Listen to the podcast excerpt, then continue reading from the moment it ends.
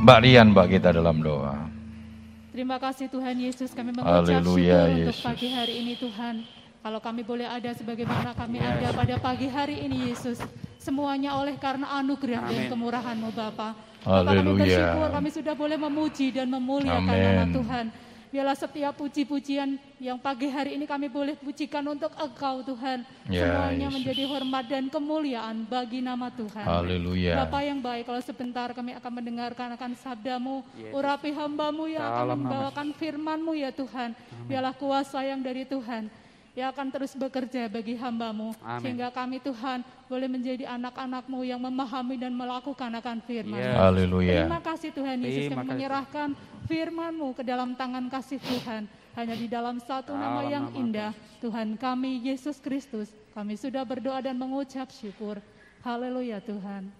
Amin. Amin. Puji Tuhan, silakan duduk. Selamat pagi, selamat kita boleh kembali bertemu dalam kasih Tuhan Yesus Kristus. Bapak Ibu Saudara diberkati pada pagi yang indah ini.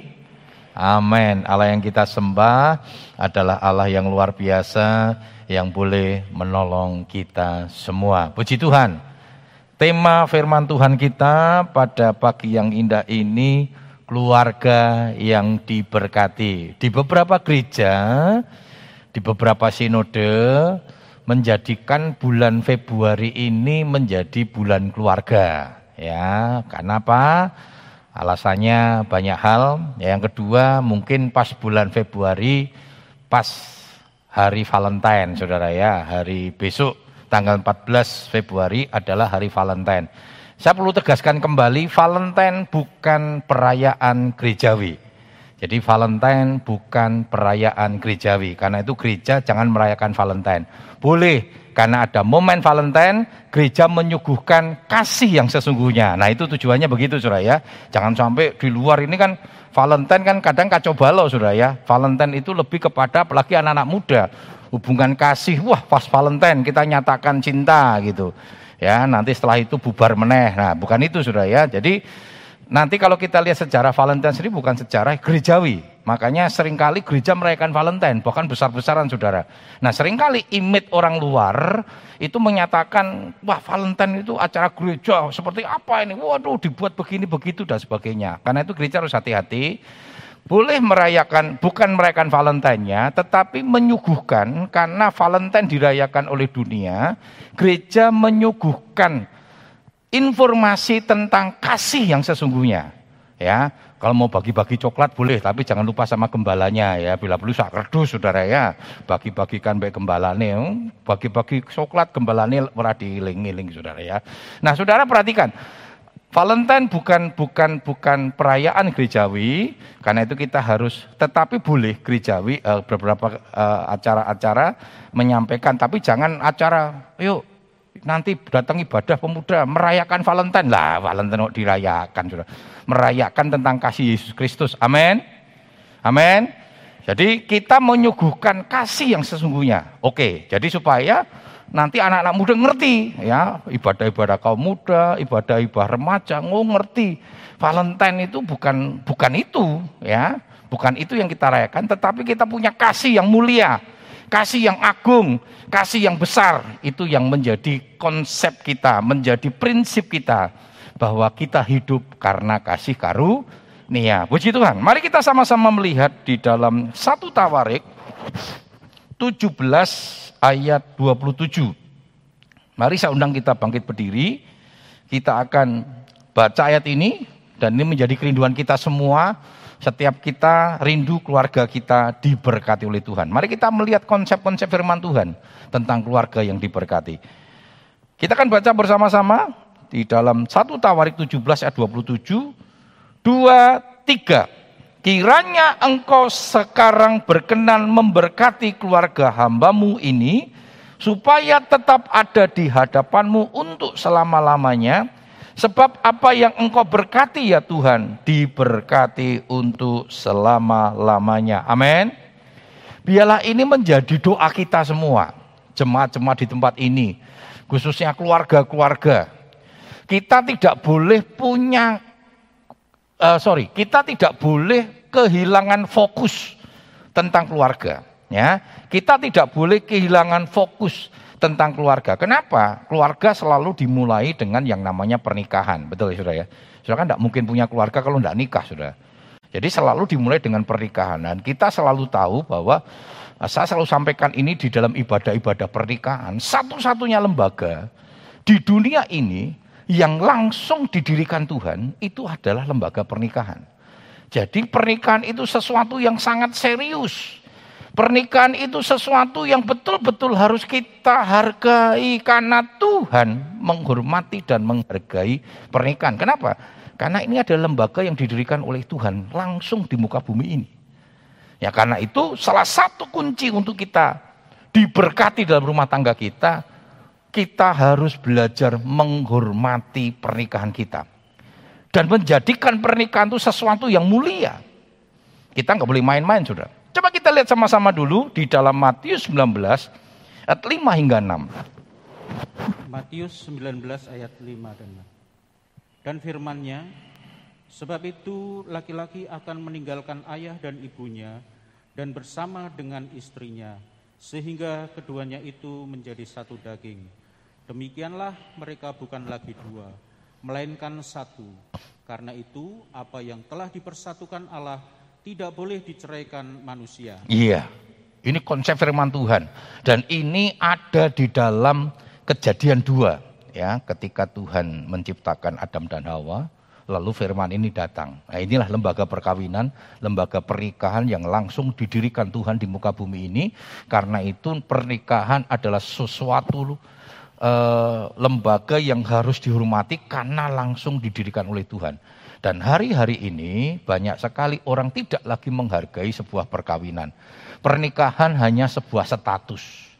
Banyak orang statusnya masih bersama-sama, tetapi nilai pernikahan, nilai kasih sayang seperti yang dikatakan, inilah tulang dari tulangku, itu sudah menjadi hilang. Firman Tuhan katakan kita bukan lagi dua tetapi satu. Seharusnya ketika suami sakit, istri menjadi sakit saudara.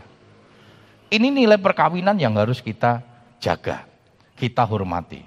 Ya, saya senang saudara di kaum umat-umat saudara seberang kita ada istilah tidak muhrim. Ya, bahkan kadang mereka ekstrim saudara. Ya, kadang mereka ekstrim. Ada yang ekstrim, pandangan-pandangan ekstrim saudara, walaupun uh, sedikit aja.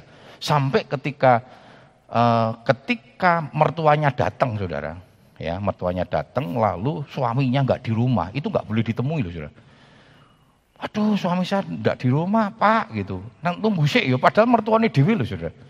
Itu ada nilai-nilai seperti itu saudara. Ya nilai-nilai seperti itu yang luar biasa. Nah karena itu kita mungkin bukan bukan bicara muhrim tetapi bicara tentang nilai-nilai kebenaran firman Tuhan. Karena itu kita harus jaga saudara. Hubungan perkawinan itu harus kita jaga. Kenapa saudara? Coba kita lihat. Tuhan sangat marah dan Tuhan membenci orang yang tidak menghormati pernikahan. Jadi artinya kalau Tuhan marah, Tuhan membenci, pernikahanmu nggak akan diberkati oleh Tuhan. Ya, coba kita lihat dalam Maliaki 2 ayat 13 hingga 14. Maliaki 2 ayat 13 14. Dan inilah yang kedua yang kamu lakukan. Kamu menutupi mesbah Tuhan dengan air mata, dengan tangisan dan rintihan, oleh karena ia tidak lagi berpaling kepada persembahan dan tidak berkenan menerimanya dari tanganmu. Dan kamu bertanya, oleh karena apa? Oleh karena, oleh sebab Tuhan telah menjadi saksi antara engkau dan istri masa mudamu, yang kepadanya engkau telah tidak setia, padahal dialah teman sekutumu dan istri seperjanjianmu. Perhatikan sudah, dikatakan Tuhan akan stop itu berkat. Tuhan tidak berkenan kepada persembahan kita, ibadah kita. Ya. Lalu kita nangis, kenapa tuh Tuhan tak berkati kita gitu saudara. Ini pertanyaan seperti orang blow on saudara ya. Lu kenapa Tuhan? Salahku opo loh, luar biasa saudara ya. Pura-pura tidak tahu atau memang tidak ngerti saudara. Lalu Tuhan tegur itu. Aku menjadi saksi, perhatikan saudara. Ketika kita menikah, Ya, secara catatan sipil ada dua saksi sudah, secara catatan sipil. Tetapi ketika kita menikah, ketika diberkati, Tuhan menjadi saksi. Yang menjadi saksi siapa sudah? Gembalanya yang memberkati, keluarga yang melihat, keluarga besar, kedua orang tua. Lalu Tuhan sendiri dikatakan menjadi saksi. Ya, Tuhan sendiri menjadi saksi. Dan Tuhan katakan Tuhan tidak berkenan, berarti Tuhan sangat tidak berkenan dan Tuhan tidak akan memberkati kalau kita tidak menghormati pernikahan kita. Apa pun yang terjadi, saudara. Makanya anak-anak muda, sebelum engkau menentukan pilihanmu, berdoa dengan sungguh-sungguh.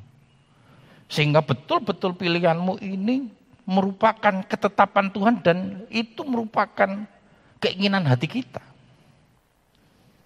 Saya tuh mendapatkan Bu Ika tuh surveinya setahun loh saudara. Itu kalau masih ingat Om Handoyo ya. Om Handoyo sekarang sudah meninggal saudara. Itu kakak rohani saya. Dia yang kebingungan saudara. Jadi waktu itu saya kuliah di kampus, dia ada di Jakarta, saudara. Dia yang sering kali bingung, dulu belum ada WA, saudara, surat. Jadi, ku cepet ditembak, Gus. Iki wis diapeli wong Amerika, katanya. Alah, sudah. Di gondol Amerika, ya silahkan, saudara. Saya waktu itu terlalu yakin kalau itu memang jodoh Tuhan. Rasa dikelibeti, saudara. Kalau itu jodoh Tuhan, maka Tuhan akan berikan, saudara. Saya tidak takut. Makanya saya punya prinsip gini, saudara. Saya tidak akan pernah menangis untuk cinta. Tetapi ketika Tuhan berikan, saya akan pertahankan habis-habisan. Cek, cek, saudara. Valentine, saudara, ngomongi tentang cinta, saudara. Oh, saya akan menangis, saudara. Saya akan pernah menangis untuk cinta. Ditolak orang popo. Wong wedok orang mengsiji, saudara. Ini jangan terus ditolak ini langsung, langsung sudah hari ini ditolak ini langsung sisuk neng kono wae. Kayak pitik wae sudah. Eh, kayak apa ya sudah yang gampang beralih cinta sudah. Didoakan sudah. Dan saya terlalu yakin. Dan saya memegang itu. Mempertahankan. Dan jangan berikan kesempatan saudara. Makanya dulu waktu saya pernah mengajar di sebuah sekolah saudara. Nah kebetulan ada seorang guru yang rumahnya itu nggak jauh dari rumah saya. Saya mungkin pernah saksikan itu. Lalu dia ngomong gini, Pak Tim, bareng yo katanya, bareng ya gitu. Saya bilang, waduh, maaf, nggak bisa saya bilang. Masalah helm yo, aku ngerti Pak Tim kan prinsipnya masalah helm. Aku tak nyileh, ya, tak nyileh mbak. Satpamnya sekolah katanya, tak pinjem nanti. Bukan itu saya bilang. Saya harus terus terang sudah. Sebab kalau tidak nanti kan, aduh sorry aku mau pergi ke mana. Wah, orang terus terang sudah. Nek orang terus terang kan balik meneh. Saya langsung katakan begini, maaf ya bu. Goncengan saya ini hanya bisa digoncengi oleh istri saya. Tapi kalau saudara gojek jam punya prinsip itu saudara, orang payu saudara. Wah sorry ya. Kalau gojek beda saudara ya. Saya bilang ini maaf ya goncengan saya ini hanya digonceng, bisa digoncengi oleh sekalo wanita itu oleh istri saya. Dan selain istri saya, saya tidak mengizinkan. Kakak perempuan saya saja nek kepekso saudara. Nek ora kepekso ya mending kue apa namanya apa namanya naik naik gojek atau yang lain. Waktu itu belum ada gojek saudara. Saya pernah menggoncengkan kakak saya perempuan. Saya ngomong begini, kue kudu ngomong mbek bojomu, nek kue tak goncengke. Dan saya pun cerita sama istri saya, saya tadi ngonceng ke kakak. Kenapa saudara? Di kota Solo ini kan tidak semua orang tahu kalau kakak saya ini adalah kakak saya saudara. Betul nggak? Coba kalau saya di sini gonceng ke kakak saya muter-muter neng Solo Tigo, wuh gosip saudara. Wih pak aku sih mbak sopo ki wong wedok ki.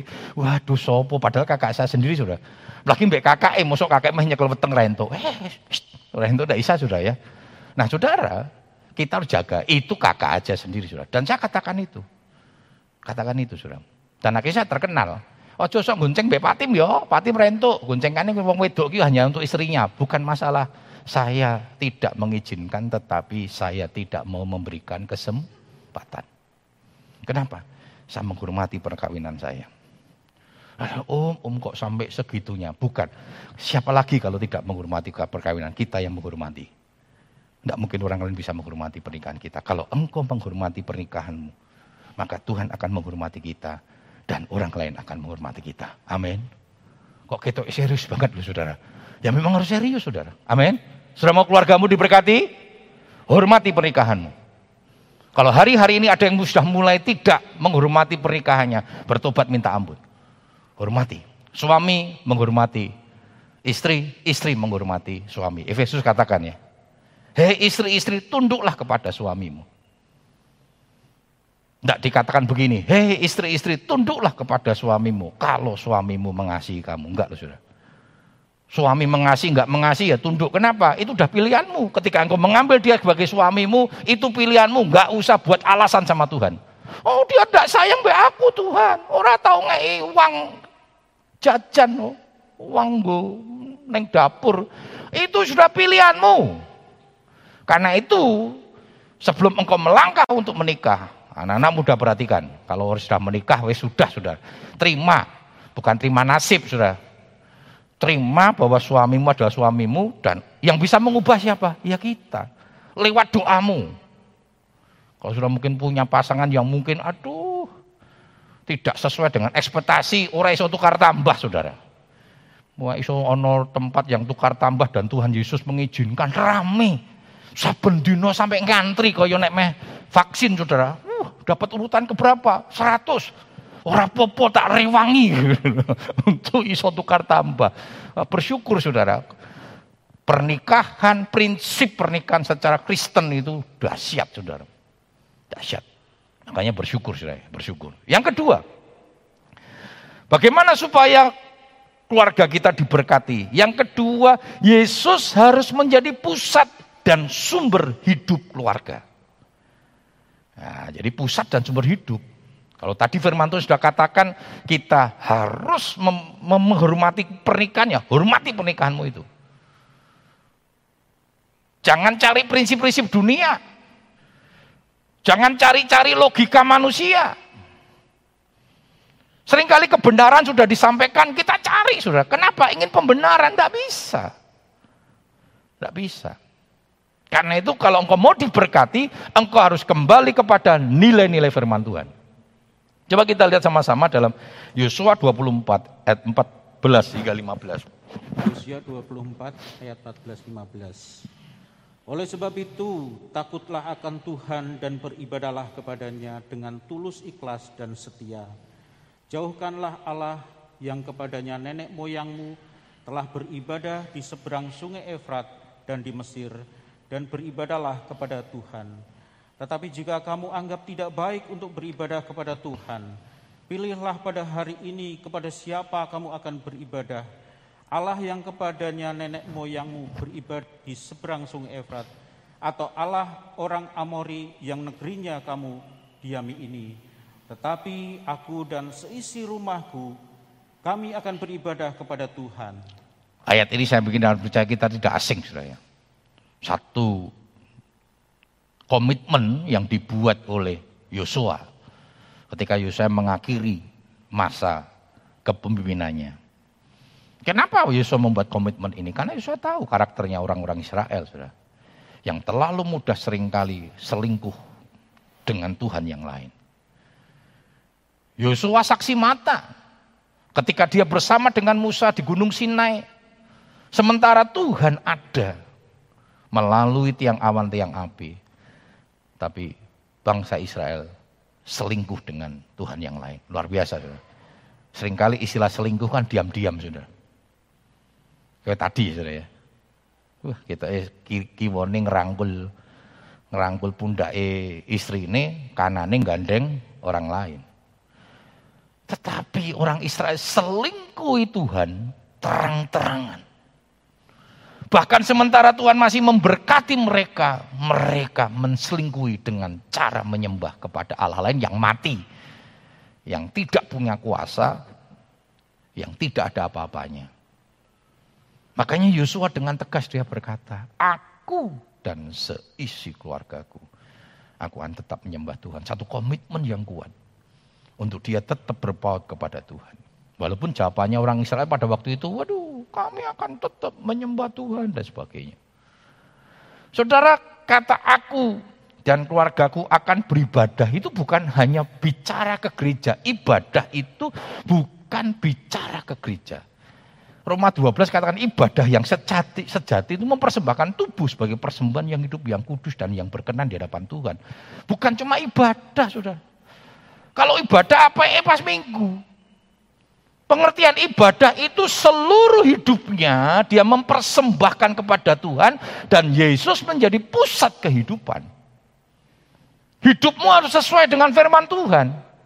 Kalau engkau rindu diberkati oleh Tuhan, hidupmu harus sesuai dengan firman Tuhan. Ada banyak orang nggak mau hidup sesuai dengan firman Tuhan, tetapi maunya diberkati, saudara. Nggak bisa.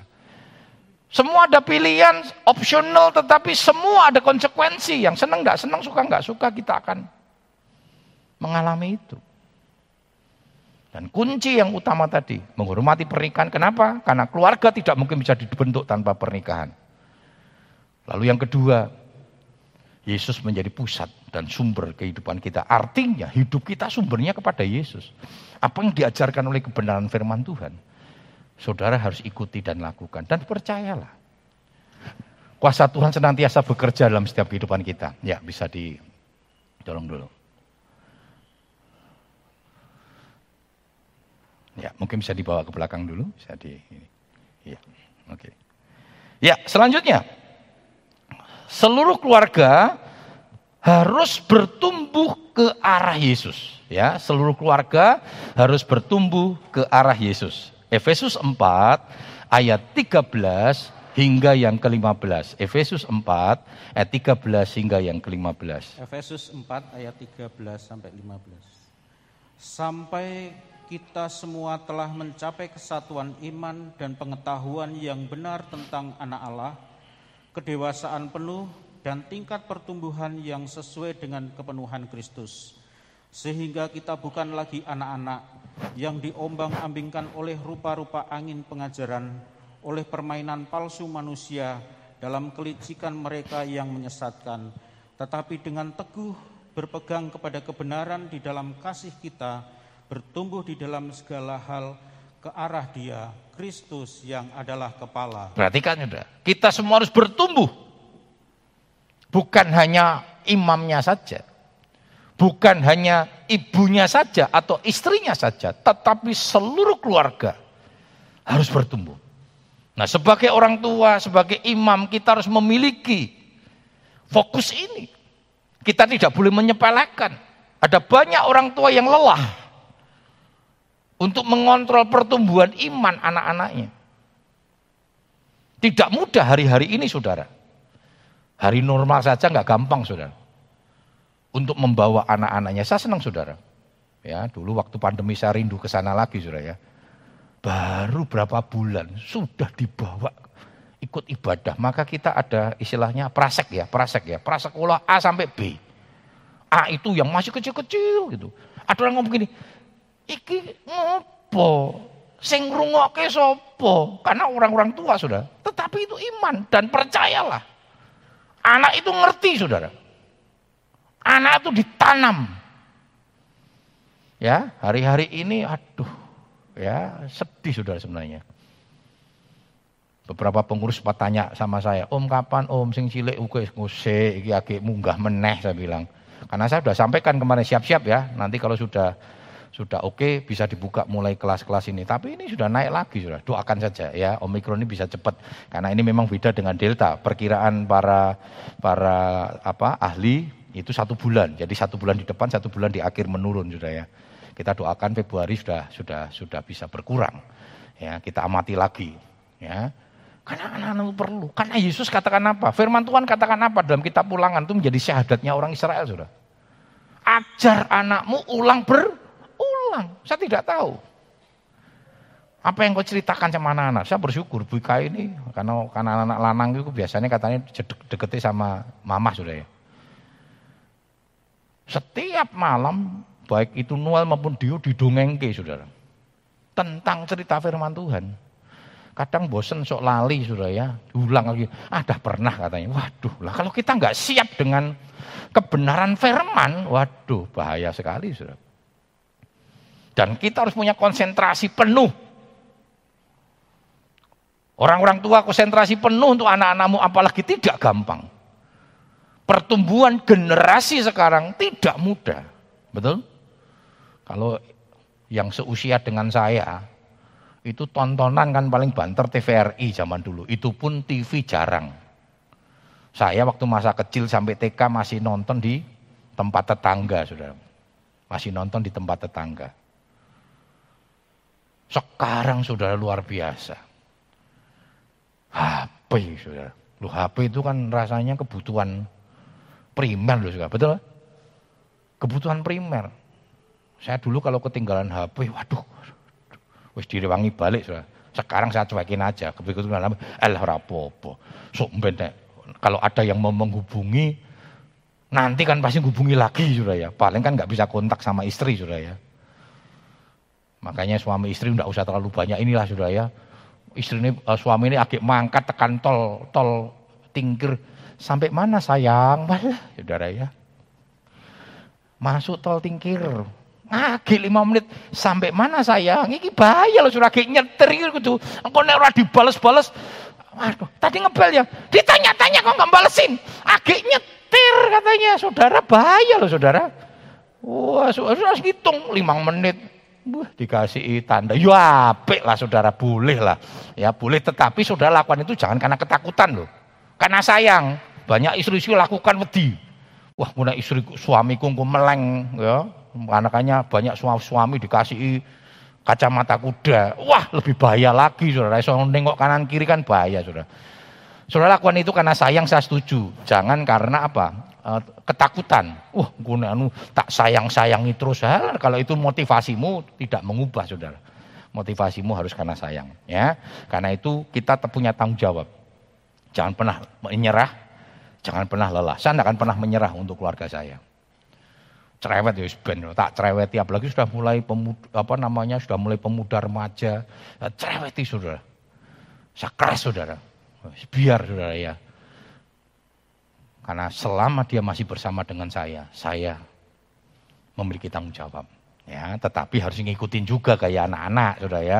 Artinya jangan terus dikerasi tok saudara. Ada dekat dengan mereka dan sebagainya ya kenapa karena kita punya tanggung jawab Supaya apa? Supaya keluarga kita diberkati. Berkat tidak selalu bicara tentang jasmani. Tetapi berkat bicara tentang iman, rohani, dan hari depan yang penuh harapan. Yang ketiga, yang pertama, keluarga harus menghormati pernikahan. Yang kedua, kita harus bertanggung jawab ya untuk menjadikan Yesus menjadi sumber kehidupan kita. Yang ketiga, keluarga yang diberkati adalah keluarga yang hidup takut akan Tuhan. Jadi harus dijaga, saudara. Ya, dijaga iman kita, dijaga keluarga kita. Karena itu perlu keluarga mengadakan mesbah keluarga, ya, sharing tentang iman supaya kita nggak bisa lepas, saudara. Ya, coba kita lihat sama-sama dalam Mazmur 112 ayat 1 sampai 3. Mazmur 112 ayat 1 sampai 3. Haleluya. Berbahagialah orang yang takut akan Tuhan, yang sangat suka kepada segala perintahnya. Anak cucunya akan perkasa di bumi, angkatan orang benar akan diberkati. Terus? Harta dan kekayaan ada dalam rumahnya, kebajikannya tetap untuk selamanya. Perhatikan saudara, orang yang takut akan Tuhan akan diberkati saudara. Bahkan harta dan kekayaan ini bicara materi, tetapi yang utama bukan itu dikatakan. Ya, dia akan diberkati oleh Tuhan menjadi orang yang perkasa, kuat di dalam Tuhan. Perkasa ini bukan bicara binaraga, Saudara. Rasa ngejim, perkasa itu orang yang kuat di dalam Tuhan. Dia tidak gampang lemah. Orang yang takut akan Tuhan, dia akan mengandalkan Tuhan. Dan orang yang mengandalkan Tuhan diberkati. Masih ingat ya, Yeremia 17 ayat 7 dikatakan tadi diberkati untuk selama-lamanya. Mari kita punya tanggung jawab. Jangan lelah. Istri-istri, jangan lelah untuk suami dan anak-anakmu. Suami-suami, jangan lelah untuk istri dan anak-anakmu. Angel om. Nah ini yang bikin masalah kan. Bahasa angel. Kita ini sering kali beriman. Piye? Suamimu piye? Ah, angel. Watos, wis angel di atas-atas ke, saudara. Itu kan kita ngimani. Tapi katakan ketika engkau ditanya, mana suami kok enggak ke gereja, doakannya. Bantu dalam doa. Saya percaya satu kali Tuhan jamah. Amin. Amin. Ada suami yang sedang berdoa untuk istrinya, jangan dikutuk saudara. Kok istrimu tidak ikut ke gereja? Wes angel atos, wes angel atos meneh watos tenan saudara. Dia nggak mau bertobat saudara. Tapi katakan, doakan aku percaya satu kali Tuhan jamah. Nggak ada yang mustahil. Saya berdoa untuk papa saya 22 tahun saudara. Watosnya kayak ngopo saudara. Tapi kan ada pepatah katakan, batu itu tetesi dan kita punya Tuhan yang dahsyat, yang luar biasa. Kita punya tanggung jawab. Itu yang paling penting, saudara. Kita punya kerinduan. Untuk anak-anak kita. Mungkin banyak orang tua sedang berdoa untuk anak-anaknya. Saya tahu, banyak pergumulan. Orang tua, orang tua di tempat ini untuk anak. -anak. Jangan lelah. Jangan menyerah. Tidak usah bicara durasi waktu. Tapi bicara tanggung jawab. Tidak usah bicara durasi waktu. Tuhan kapan? Tuhan kapan? Wes suwe. Suwemu kapan? Berapa lama? Tuhan aja masih sabar kok. Masuk kita tidak sabar. Kita menyerah sama Tuhan. Gak usah bicara durasi waktu, tapi bicara tanggung jawab. Sebagai orang tua, kita harus bertanggung jawab untuk anak-anak kita. Mendoakan anak-anak kita. Sebagai suami, kita mendoakan istri-istri kita. Sebagai istri, kita mendoakan suami-suami kita. Dan percayalah saudara, keluargamu akan diberkati oleh Tuhan. Amin. Saya rindu keluargamu diberkati. Hormati pernikahanmu. Jadikan Yesus sumber kehidupan. Saudara Daniel bagi kita dalam doa. Haleluya. Haleluya. Bapak kami yang baik yang surga, terima kasih Tuhan. Kami sudah terima firman-Mu. Mampukan kami untuk menghormati Tuhan akan pernikahan kami Tuhan. Mampukan kami menjadikan Yesus sebagai juru selamat kami, sebagai Allah kami dalam kehidupan keluarga kami Tuhan. Sehingga kehidupan kami boleh muliakan dan menyenangkan Engkau Tuhan. Terima kasih Tuhan buat firman pada pagi hari ini. Tanamkan firman hidup kami, jadikan kami, sebagai pelaku-pelaku firman-Mu Tuhan. Terima kasih memberkati hambamu yang saya menyampaikan firman-Mu Tuhan. Pakai kehidupannya bagus Tuhan, lebih lagi dalam kehidupannya Tuhan. Jadi alat kemuliaan di tangan Tuhan. Terima, terima kasih, kami bisa terima firman-Mu, jadikan kami sebagai pelaku firman-Mu. Dalam nama Tuhan kami, Yesus Kristus. Haleluya. Amin. Puji Tuhan, silakan duduk Bapak Ibu Saudara. Tuhan sudah memberkati, kita diberkati oleh firman Tuhan yang sudah kita dengarkan. Sebentar kita akan memberikan korban persembahan, kita akan berikan yang terbaik bagi Tuhan. Kami undang seluruh petugas kolektan untuk maju ke depan. Saya akan bacakan satu ayat untuk mendasari kita pada pagi hari ini dalam 1 Petrus pasal 5 ayat yang ketujuh dikatakan serahkanlah segala kekhawatiranmu kepadanya sebab ia yang memelihara kamu. Nanti dengan kasih Tuhan Om Ari pimpin doa. Pagi yang indah ini Tuhan kembali kami naikkan syukur kami Berterima kasih buat anugerahmu dalam setiap kehidupan kami. Mana kami sudah muji permuliakan namamu. Kami sudah mendengarkan kebenaran firman Tuhan Tiba saatnya kami memberikan setiap persembahan syukur kami Tuhan, berikan yang terbaik kepada Tuhan.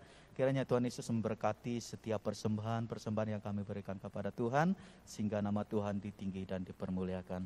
Terima kasih Bapak yang baik, segala puji hormat kami kembalikannya ke dalam tangan kasih-Mu. Demi nama Tuhan Yesus Kristus kami sudah berdoa dan mengucap syukur. Haleluya. Amin. Kita akan